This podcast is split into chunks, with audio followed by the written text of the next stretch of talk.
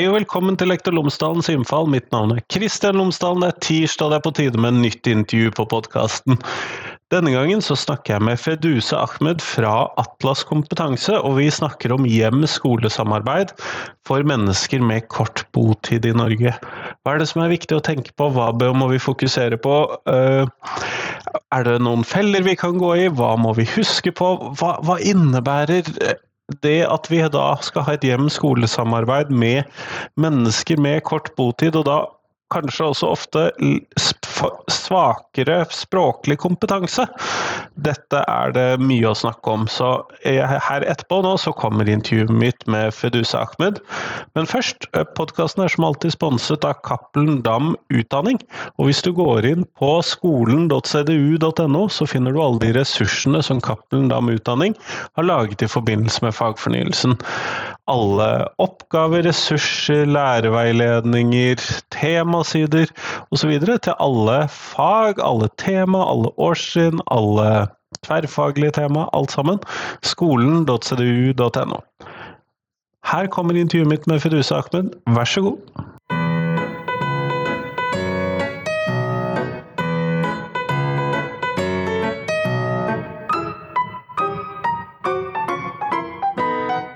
Feduse Ahmed, tusen takk for at du har tatt deg tid til meg på podkasten i dag. Takk for at jeg fikk komme og få snakke om Atlas kompetanse. Og, men før vi gjør det, så må du nesten fortelle lytterne mine tre ting om deg selv, sånn at de kan få bli litt bedre kjent med deg. Ja, eh, jeg er medgründer av Atlas kompetanse sammen med Sadhashi. Eh, jeg er utdannet eh, sosionom og har også en bachelorgrad innen pedagogikk. Og jeg har jobbet med skole på mange ulike måter og arenaer. Både her i Atlas kompetanse, tidligere som lærer på grunnskole og voksenopplæring her i Oslo. Og så er jeg også, eller jeg sitter også i et styre for en skole i ja, Somalia. God skoleerfaring, med andre ord. Mm.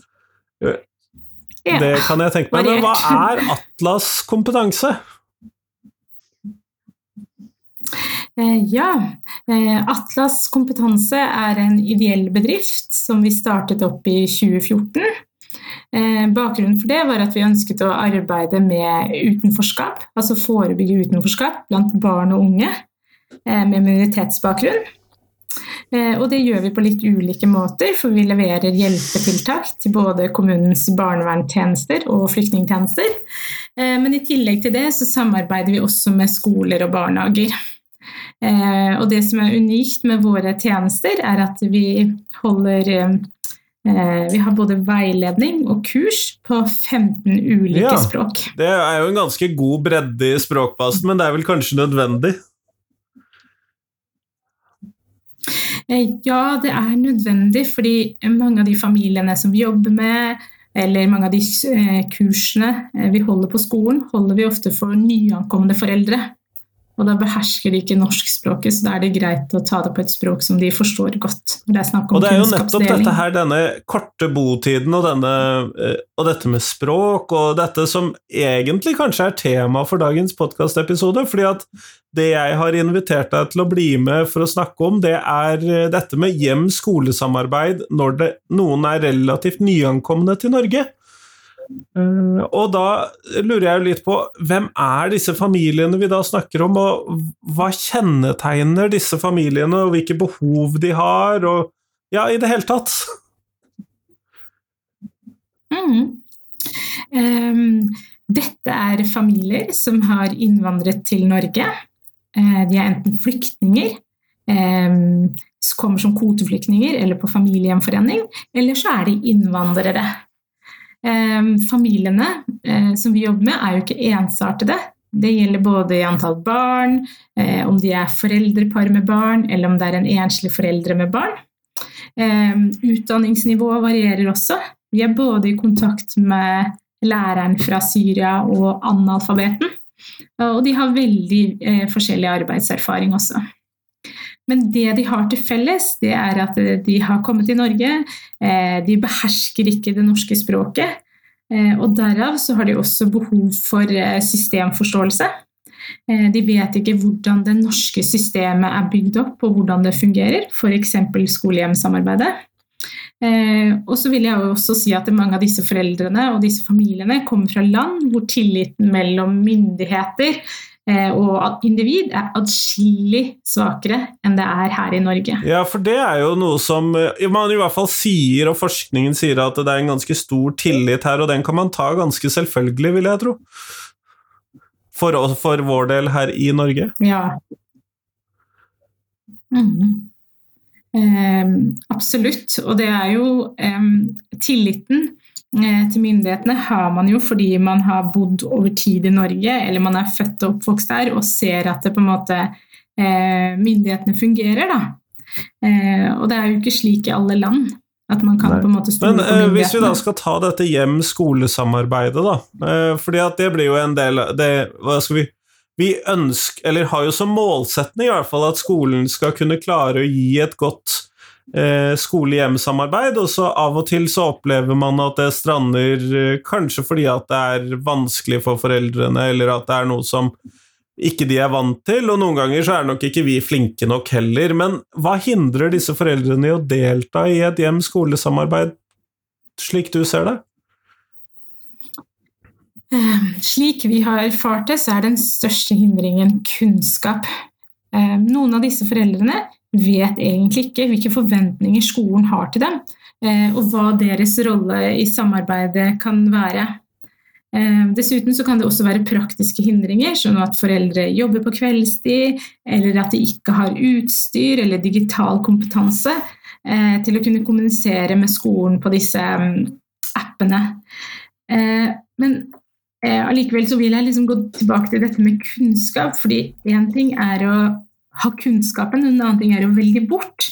Det vi ser, er at eh, foreldre ofte sitter på kunnskap om eh, at det er et foreldremøte, eh, skolen har ordnet mye praktisk rundt tolk og liksom at de skal møte opp. Men det vi ser når vi snakker med mange foreldre, og det vi erfarer, er at ofte får ikke mange foreldre med seg hvorfor samarbeidet mellom skole og hjem er viktig i Norge, i motsetning til hvor de kommer fra.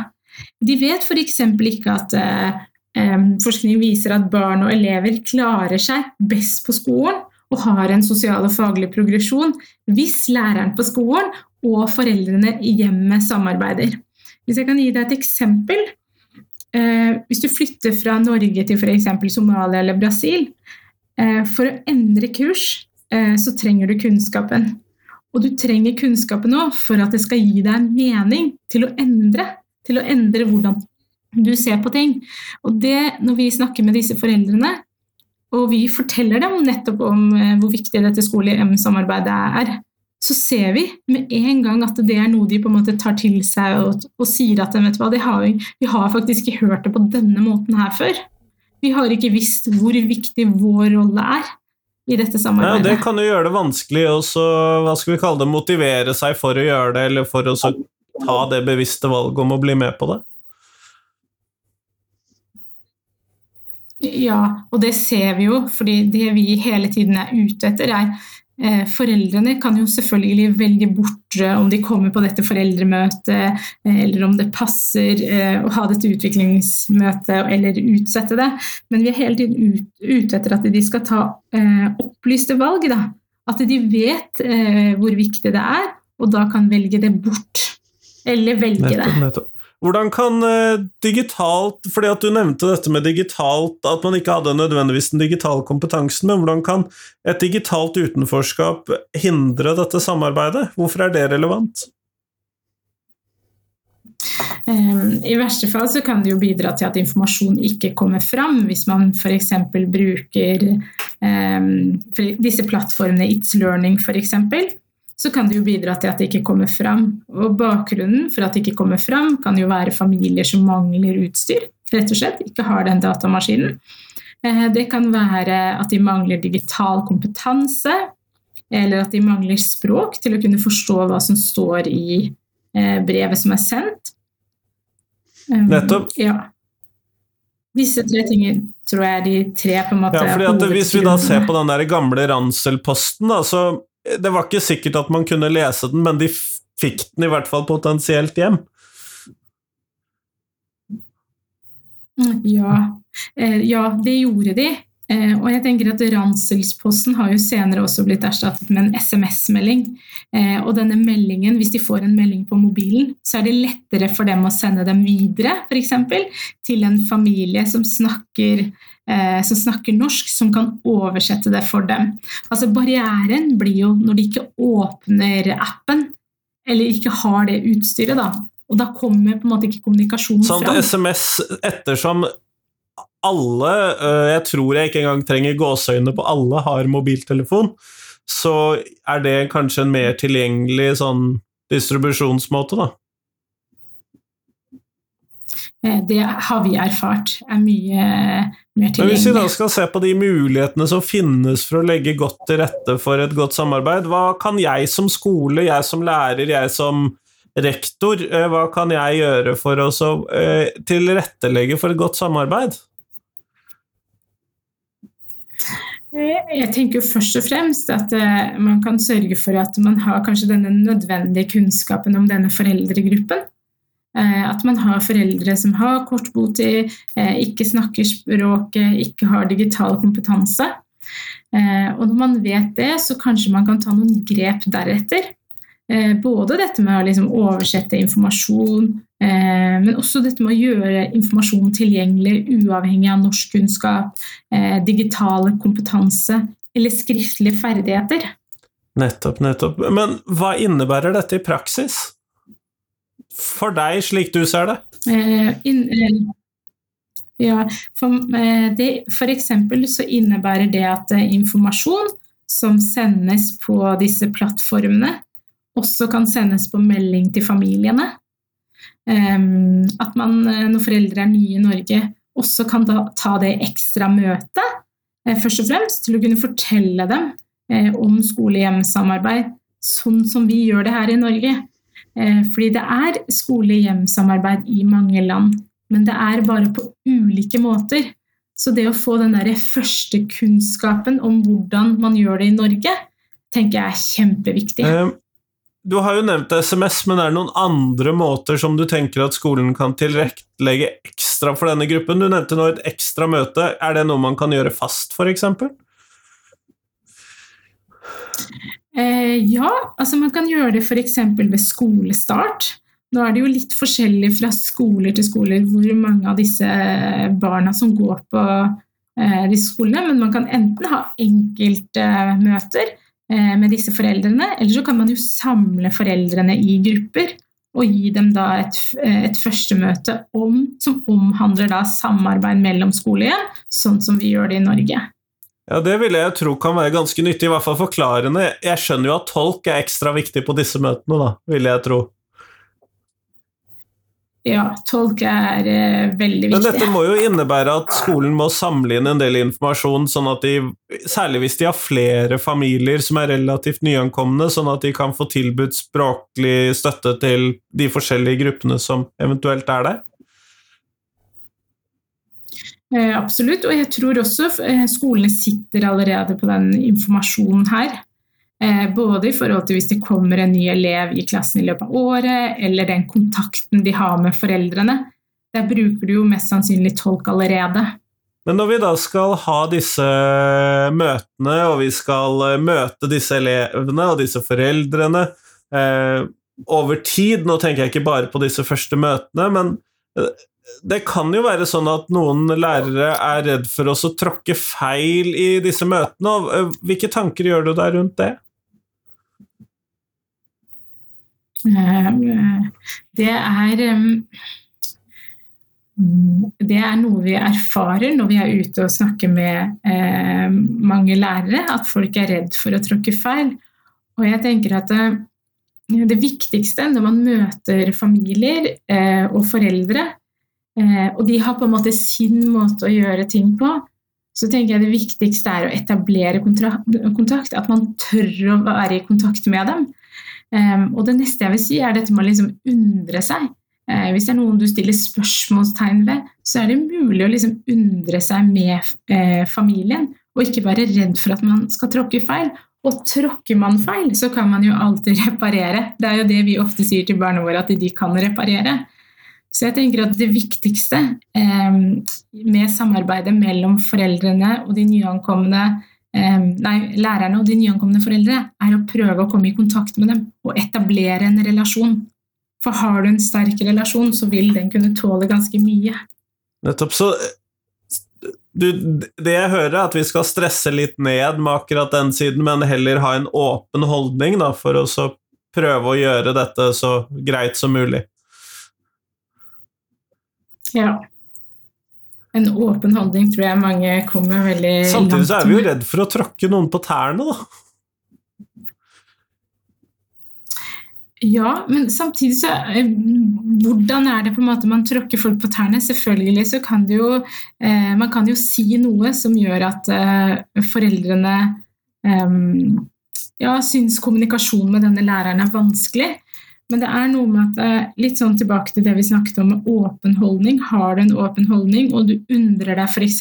over praksis som du ser foreldrene har, Eh, så kommer man ganske langt med det, altså. Det høres ut som en uh, grei måte å møte folk på, da. Det gjør jo det. Uh, slik det fremstår. Mm. Har du noen sånne særlige tips til foreldrene som skal Nei, lærerne som skal stå i denne situasjonen sånn på slutten? Um, det som er det viktigste, er jo at lærerne tenker på den foreldregruppen de har ovenfor seg. Ehm, har de skriftlige ferdigheter? Eh, har de norskkunnskap? Har de digital kompetanse? Ehm, prøve å liksom har, har, de datamaskin, rett og slett? Ja. Det som er viktig, er jo at skolen sørger for at lærere har den nødvendige kunnskapen om foreldregruppen. Um, og at lærere oversetter uh, informasjonen Eh, og tilgjengeliggjør informasjonen uavhengig av foreldrenes eh, norskkunnskaper, foreldrenes digitale kompetanse og foreldrenes skriftlige ferdigheter. Ehm, to eksempler, hvis jeg skal gi helt to eh, konkrete tips, så handler det om F.eks. så kunne man jo laget noen videoer med informasjon. Det tilgjengeliggjør jo informasjon på en annen måte. Og en annen ting som jeg vil tilbake til, er jo dette med meldinger. Sender man meldinger til eh, foreldre som ikke snakker språket, så vil de lettere kunne få hjelp av noen andre ved å videresende denne meldingen. Kjempeflott. Feduse, hvorfor skal skolen tilrettelegge ekstra for, eh, eller særlig for denne elevgruppen eller foreldregruppen? Mm. Eh, et godt skole-hjem-samarbeid er spesielt viktig for innvandrerfamilier og innvandrerelever med kort botid i Norge, eh, fordi at disse barna har jo mye å ta igjen. Noen har jo ikke gått på skole tidligere, og ikke minst så må jo alle ta igjen det språklige. Og ved å engasjere denne foreldregruppen i samarbeidet, så vil jo også skolen få en ekstra ressurs med på laget. Eh, og vår erfaring i Atlas med arbeidet med disse, eh, med, denne, med disse, familiene, er jo at disse foreldrene anser skolen som en viktig arena. Eh, og de ønsker at barna sine skal lykkes på skolen. Så her har man jo et, en, egentlig en kjempemulighet. Siste spørsmål, Feduse, det er det jeg stiller til alle de jeg intervjuer. Og det er jo da hva er de tre viktigste tingene du tenker skolen lærer elevene? Ja. Hvis vi ser bort fra liksom kunnskap og dannelse, så er det tre ting jeg har lyst til å trekke frem. Og dette er det med gleden ved å lære, eller lærelyst.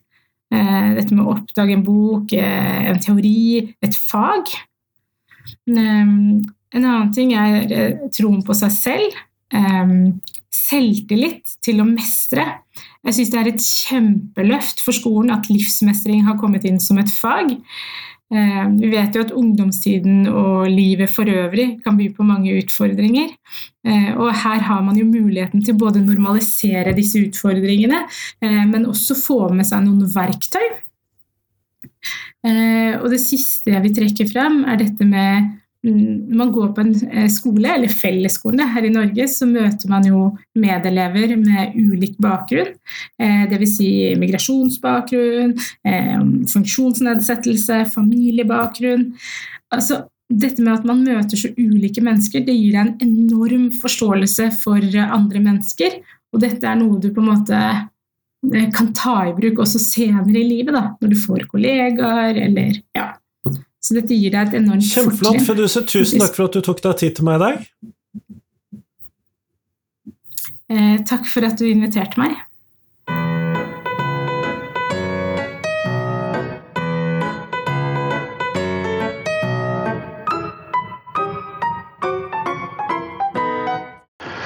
Tusen takk til Feduse, og tusen takk til deg som hørte på.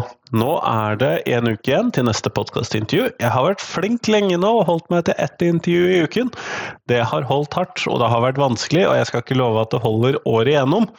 Men i hvert fall, det har holdt en stund.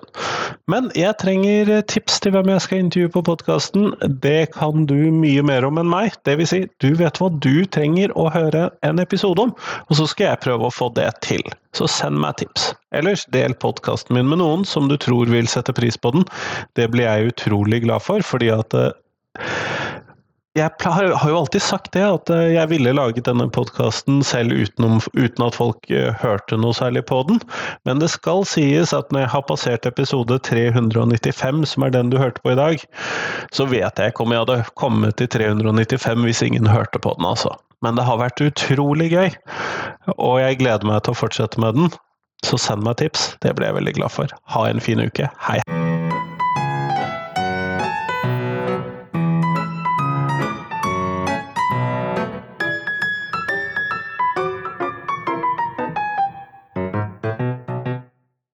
Husk at hver eneste torsdag så kommer jeg ut med et uh, Tenketorsdag-bilde, hvor jeg stiller et spørsmål jeg tenker er viktig å reflektere over for norsk skole.